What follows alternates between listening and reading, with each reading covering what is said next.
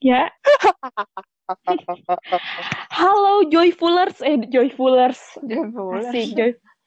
Kan orang-orang pada spillers gitu. Ini tambah urge gitu ya. Iya kayaknya setiap podcast tuh kayak punya grupisnya gitu kan ya. Kayak Iya. sumpah nih kita udah episode kedua tapi masih nggak tahu cara menyapa pendengar kita kayak gimana. Nama pendengar aja kita nggak punya. Ini episode kedua dan kita masih stuck di gimana cara kita ngebuka podcast. Tapi sumpah loh, ada beberapa orang yang komentar baik lewat DM kita di Instagram atau lewat komen dan thank you banget. Ada loh yang nge-DM gua secara pribadi, terus kayak komplain ke gua soal pembukaan kita yang katanya terlalu canggung. Ada juga loh yang komen ke gue katanya betapa suara gue annoying banget. Rania ada yang komplain ke lu nggak soal podcast kita? Sampai saat ini sih belum ada. Berarti Rania nggak bermasalah berarti. Ya, sumpah untuk feedback episode pertama kita itu sudah sangat positif dan thank you banget untuk yang udah mendengarkan. Em, katanya the quality can be better, but first episode bagus banget gitu katanya.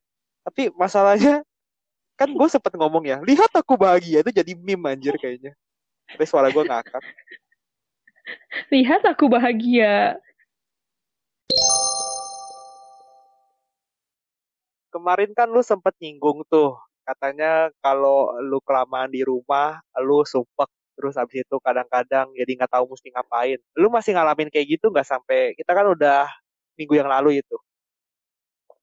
Eh, nggak udah nggak terlalu sih karena kan sekarang udah masuk new normal kan, udah boleh keluar-keluar tapi tapi kadang-kadang masih kayak gitu kalau gue udah empat hari, tiga hari atau seminggu gue nggak keluar, gue udah mulai ngerasa, aduh, gue harus ngapain? Gue nggak tahu harus gimana. Kerjaan gue tidur doang. Kalau lu Ran gimana Ran? Gue selama seminggu ini ya eh, lebih banyaknya di rumah sih. Paling kalau keluar tuh cuman sebentar, cuman beli makan, terus udah pulang lagi. Menghindari orang-orang banyak lah. Iya sih walaupun udah katanya new normal, tapi tetap aja ya kalau kita kita di sini masih sedikit parno gitu kalau misalnya keluar rumah dan itu bagus sih. Usahain jangan sering-sering luar kalau nggak perlu apa-apa. Tapi lama kelamaan ya sumpek juga sih. Sumpek banget sih. Tadi lu bilang Nurfa lu kenapa jadi sering tidur? Iya, gue tuh kayak kayak karena gue kebanyakan di rumah aja kan, gue tuh eh, nggak pernah kuliah, nggak apa, jadi gue bangun tuh siang, aduh tidur malam. Sekarang jam tidurnya kayak kacau banget gitu loh. Emang nggak ada kegiatan gitu selama di rumah ngapain? Ada kegiatan, cuman karena karena gue tahu gue di rumah aja, jadi gue pas kayak waktu gue kuliah gitu jadwal-jadwal yang pas tuh gue udah nggak punya lagi. Berarti siklus tidur juga udah berubah total ya? Pasti sangat. Tidur biasanya jam berapa teh? Gue tuh tidur bisa mau mau azan subuh gue baru tidur nih. Setuju banget. Lu juga teh kayak gitu. Iya, gua gue inget banget waktu zaman zamannya lagi bulan puasa, jam tidur gue itu dimulai ketika azan subuh, sumpah. Iya, iya kan? Itu tuh gue baru mau tidur, azan subuh udah keburu dibangunin. Hidup gue tuh, aduh. Itu dari dulu lu udah punya masalah kayak begini atau sejak gara-gara kita terjebak di rumah aja nih, lu mulai merasakan masalah tersebut? Sebenarnya dari dulu emang jadwal tidur gue tuh nggak emang nggak bener ya. Tapi semenjak gue di rumah makin nggak bener. Iya sama, soalnya gue inget banget, gue sampai mau awal kuliah bahkan gue tuh tidur pasti jam 9 malam tuh udah ngantuk. Sekarang jam 1 pagi aja kayak gue ngapain nih belum tidur. Ya, lu kayak masih seger kan? Stamina lu masih kuat banget. Enggak juga. Jadi hari-hari gua nih selama di rumah aja tuh penuh dengan gimana ya kayak orang anemia atau enggak sih letih terus tuh lunglai nggak ada Iya, semangat tapi iya. kalau disuruh Iya, sumpah. Sumpah, tapi sumpah. kalau disuruh tidur kalau disuruh tidur gua nggak bisa tidur juga aneh tuh Enggak, tapi kalau gue kalau gue jam siang tuh gue ngantuk banget bawaannya, sumpah ngantuk banget. Gue kayak gue mau nonton TV aja, mata gue tuh nggak bisa dibuka tau. Aneh banget gue kalau siang-siang. Terus kalau malam nih, kalian biasanya ngelakuin hal apa sih? Rekaman podcast Gue- kan udah jam berapa nih Ya, ini rekaman Selain podcast. itu, selain itu, mohon maaf ya. Mengerjakan deadline-deadline lain sih biasanya malam-malam. Jadi tuh yang tadi kita ngomongin tuh gara-gara kita terjebak di dalam rumah, nggak bisa ke mana-mana. Mostly terus abis itu kita jadi punya masalah gangguan tidur. Ternyata tuh ada namanya loh. Ini sih bukan gangguan psikologis ya, tapi karena mungkin karena pandemi ini udah mendunia gitu ya dan banyak orang yang mengalami jadi udah ada istilahnya namanya itu cabin fever kalian pernah denger gak? Kabin, gue pernah denger sih tapi belum cuman denger selewat doang belum tahu apa sih artinya tuh belum tahu gue. Iya sama gue juga cuman kayak dengar sekilas tapi nggak tahu artinya apa. Emang artinya apa sih teh? Jadi tuh cabin fever itu intinya sih karena kita terisolasi terlalu lama gitu, kayak terjebak di satu tempat terlalu lama, kita tuh jadi merasa hmm. gelisah gitu, cemas-cemas gak jelas. Dan itu tuh terjadi gara-gara kita itu kan udah sering biasa keluar kan, melihat, mm-hmm. merasakan banyak hal gitu. Terus tiba-tiba ketika kita di rumah itu, kita merasa monoton aja gitu. Ngelihat orangnya itu-itu aja, rutinitasnya itu-itu aja. Akibatnya tuh kita mengalami yang namanya itu deprivasi sensorik. Kayak bosen yang berkepanjangan, bosen yang berlebihan. Ditambah lagi, kita juga karena di rumah aja kan jarang gerak. Ya keluar rumah, pas bisa keluar rumah aja boro-boro olahraga.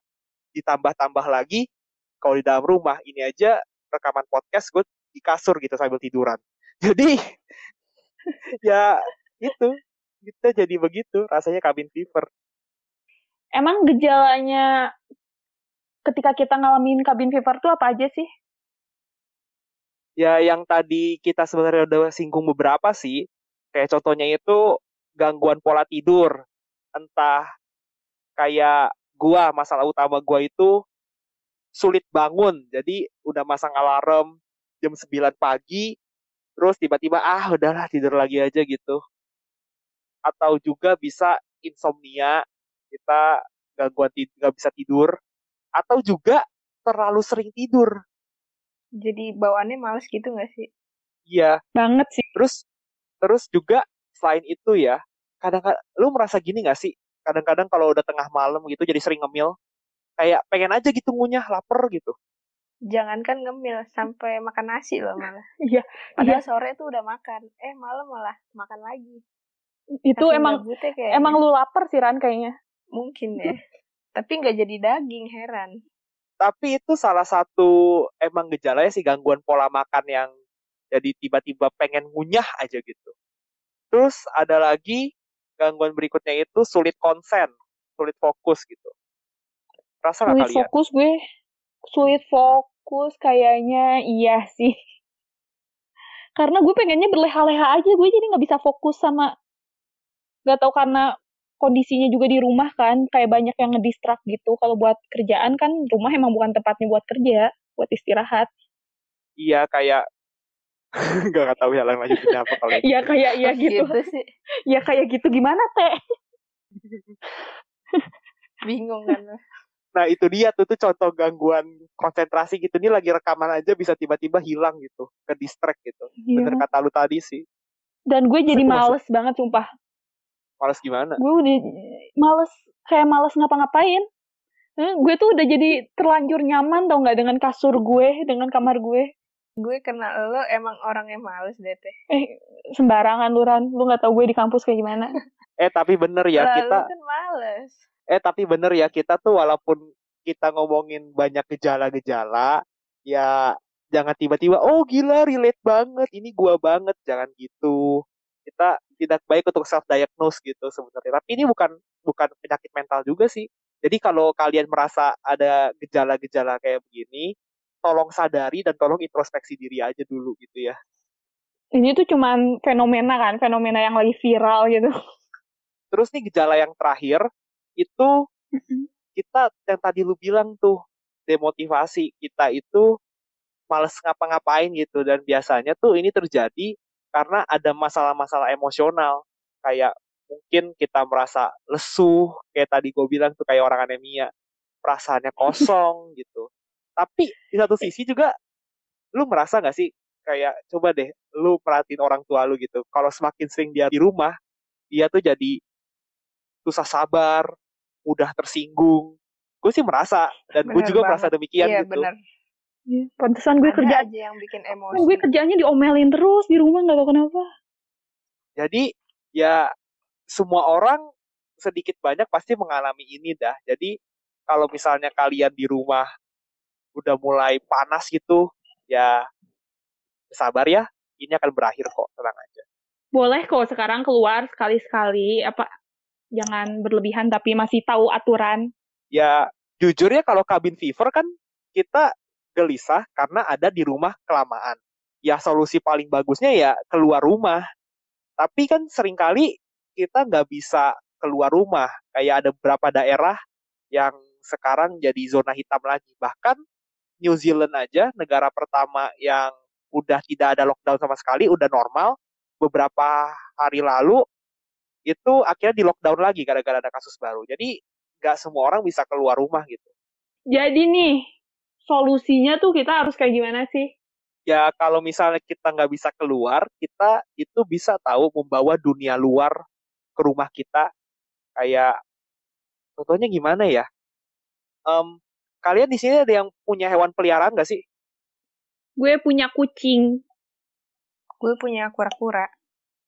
kura-kura dong. Kenapa punya kura-kura Rania? Kura-kura nggak bisa diajak curhat tau Ran, nggak bisa diajak main. Eh bisa. Nah, salah satunya untuk membawa dunia luar tuh itu. Jadi, punya hewan peliharaan, itu satu bisa. Atau kalau kalian nggak bisa punya hewan peliharaan, mungkin kayak adek gua, alergi bulu gitu, jadi nggak bisa punya hewan peliharaan, bisa mulai bercocok tanam aja tiba-tiba di rumah pot jadi banyak gitu berapa hari sama-sama gue juga sumpah gue bercocok gara-gara corona segala gue kerjain gue bercocok tanam gue masak gue ngapa-ngapain tapi gue bercocok tanam gak cocok sih buat gue. Ya, gue jadi sering masak sering. Lu tahu nggak sih semenjak semenjak corona tuh jadi banyak banget eh, resep-resep masakan yang viral. Karena orang-orang tuh banyak yang coba-coba buat masak. Kayak misalnya dalgona waktu itu. Banyak banget orang nyoba bikin dalgona karena mereka nggak tahu harus ngapain di rumah. Iya sih bener. Nyokap gua itu yang seumur hidup tidak pernah menyentuh dapur tiba-tiba jadi sering bikin puding, pai susunya dia enak banget dan bikin udah bikin yang aneh-aneh, bikin empek-empek tiba-tiba.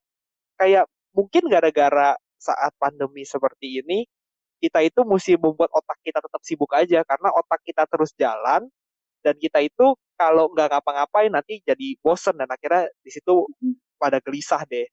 Makanya kalau kalian misalnya pengen melawan rasa bosan gitu ya memasak makanya bener kata lu tadi banyak resep-resep yang viral dan juga kenapa TikTok makin berjaya di kala pandemi ini karena orang-orang ya udah bikin TikTok aja biar gak gabut gitu.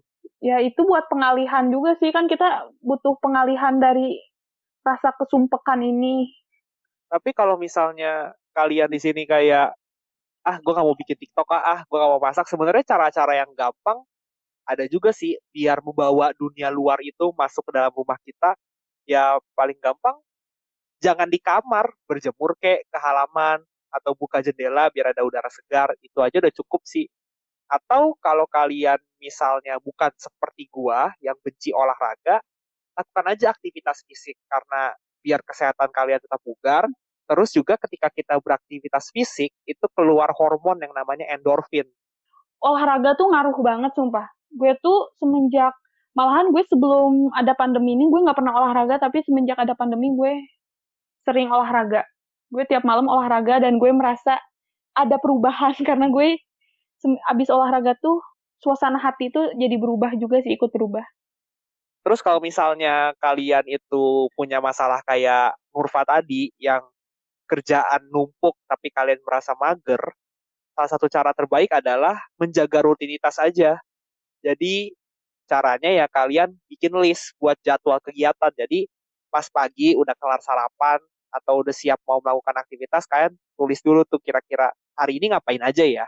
Jadi setidaknya kalian mempersiapkan diri kalian untuk beraktivitas pada hari itu. Walaupun di rumah aja kan? Iya. Emang ya. sih itu tuh itu tuh ngaruh banget sumpah kayaknya ini tuh awal mula permasalahan gue tuh karena tiap gue abis bangun tidur tidur lagi itu masalahnya. Jadi kacau, jadi kacau. Jadi kegiatan ke sana sananya tuh kacau. Tapi yang terpenting sih walaupun kita itu physical distancing artinya kita terpisah oleh jarak dan mungkin kadang waktu tapi kita tetap bisa kok menjaga komunikasi dengan keluarga yang ada di luar kota dengan sahabat-sahabat kita atau kalau kalian beruntung tidak seperti kita di sini dengan pasangan kalian gitu. Tidak beruntung ya kita masuk golongan tidak eh, beruntung. Eh, kasihan banget kita gitu ya. eh tapi emang loh, apalagi kan zaman sekarang udah makin gampang kan, ada handphone, internet udah memadai. Jadi sekarang tuh malah suka waktu pandemi tuh banyak yang sering nongkrong online sama teman-temannya. Iya, jadi walaupun nggak bisa nongkrong di warkop hmm. atau di kafe, tergantung kalian maunya di mana, bisa lah di Zoom call, di Google Meet, di iya. Microsoft Teams, di, di mana bisa lah telepon lain. Makanya masih banyak banget cara-cara yang bisa kalian lakukan biar tidak merasa terisolasi. Gue inget banget deh kata Nurfa di episode yang lalu ya. Kayak kalau lu lihat hmm. berita soal COVID-19 lu jadi cemas-cemas tidak jelas gitu. Iya, malah itu yang bikin yang bikin cemas pas pandemi itu itu berita-berita yang malah bikin kita takut sendiri. Mendingan gak usah lihat. Informasi itu penting sih. Apalagi di masa-masa seperti ini kayak zona merah yang mana kita boleh keluar atau enggak dan lain-lain sebagainya. Meskipun mengetahui informasi mengenai pandemi itu penting yang paling penting juga adalah kita itu harus proaktif untuk menjaga kesehatan mental kita sendiri. Jadi kalau misalnya kalian seperti Nurfa dan mungkin banyak orang di luar sana, iya kita perlu baca berita, tapi pastiin banget kita baca itu dari sumber yang terpercaya dan kita harus membatasi konsumsi medianya seperti apa. Iya, jangan dari uh, broadcast broadcast broadcast WA tuh banyak banget hoax. Kalau kalian mau dengerin atau melihat itu dari uh, gugus depan COVID ya, itu udah terpercaya lah di Twitter juga ada. Bisa kalian cari lah mana yang terpercaya, mana yang enggak. Ya, jangan kayak Lambe Tura, Kopet News, apalagi sih itu berita-berita kayak begitu. Lambe nyinyir. Iya. Tapi bener banget, bener banget kata Rania sih, banyak banget kita mendapatkan berita itu dari media sosial. Dan gue merasa cemas banget sampai-sampai, gue kan media sosial paling aktif gue Instagram ya. Gue sampai-sampai buat second hmm. account itu cuma biar gak ada Instagram universitas, Instagram berita-berita yang bikin orang cemas. Jadi isinya cuma gambar eh, binatang-binatang lucu, cewek-cewek cakep, terus meme gitu-gitu biar enak gitu kalau baca kalau lihat timeline itu nggak cemas. Coba deh, kayaknya berguna untuk kalian beberapa. Kalau nggak ngefollow gue sih second account, kan lu nyari foto cewek cakep. Aduh. ini itulah dampak kalau kita rekaman jam 12 malam ya kayak begitu. Kabin fever. Terus selain itu apalagi nih yang kita bisa lakukan untuk melawan kecemasan di saat, -saat seperti ini? Ya, jaga kesehatan itu yang paling penting sih. Jaga kesehatan, jaga pola makan, jaga jaga diri lo sendiri, istirahat yang cukup, ya gitu deh. Intinya jangan lupa untuk self care terhadap diri sendiri ya. Mm-mm. Sama carilah bantuan dari tenaga kesehatan mental yang profesional bila kita butuh bantuan mereka. Jangan kita mendiagnosis diri kita sendiri, padahal belum tentu kita punya penyakit itu gitu. Iya benar banget, karena masalah terpenting dari kita itu karena banyak banget sumber-sumber stres dan kecemasan di luar sana. Akibatnya itu kita suka ikut kata orang tuh, kayak satu orang bilang, eh ini mau pandemi nih, ayo kita beli kebutuhan. Semua orang panic buying gitu. Ingat kan iya, waktu iya. pertama-tama kali ya? Iya, sampai hand sanitizer habis, masker habis. Padahal kan kalau beli yang sewajarnya orang juga bisa kedapetan gitu kan. Mm -mm. Kita tuh mesti ingat bahwa kita itu hanya bisa fokus ke apa yang kita bisa kontrol. Jadi kontrollah diri kita sendiri dulu. Jadi at least mulai dari kita, at least kita misalnya cuci tangan, keluar rumah itu hanya yang kita keluar rumah kalau ada perlunya aja dan kita itu mengikuti apa yang telah direkomendasikan oleh pemerintah atau lembaga kesehatan kayak tadi yang gugus depan COVID dan berita-berita terpercaya. Ingat pakai masker, kalau bisa pakai face shield, terus selalu ada hand iya. sanitizer, iya. jangan lupa. Sama melakukan social distancing, meskipun kita sama keluarga kita sendiri atau sama teman dekat, kita juga harus memberi jarak gitu. Kayak duduk, jangan terlalu berdempetan, kasih dia jarak supaya uh, apa? Kayak misalnya kita ngobrol nih, mungkin aja cipratan kita nempel kan. Nah, itu fungsinya kita jaga jarak. Nah, seperti itu. Iya. Kalau kita fokus pada yang kita bisa lakukan dan apa yang kita bisa kontrol, kita itu akhirnya tidak begitu cemas kalau misalnya ada kejadian-kejadian di luar sana. Jadi intinya kecemasan itu wajar dan kecemasan itu diperlukan, tapi pada batasan tertentu saja ya. Dan kalau misalnya kalian ada masalah seperti yang tadi, jangan lupa cek diri kalian dan mintalah bantuan ke tenaga mental profesional.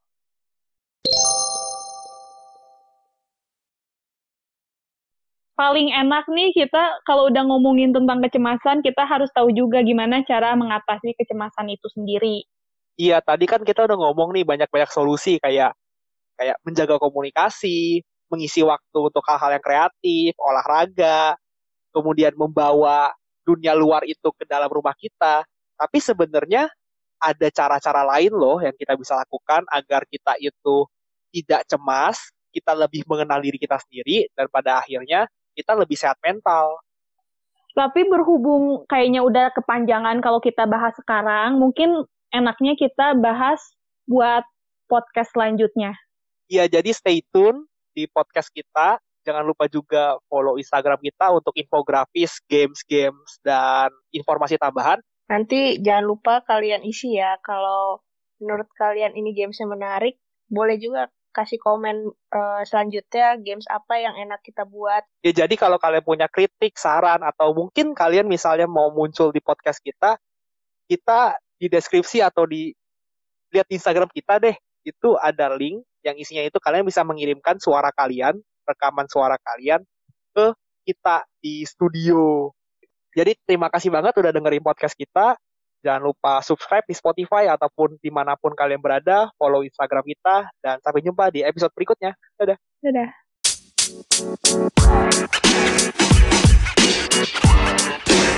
you don't mess with you don't mess with you don't mess with you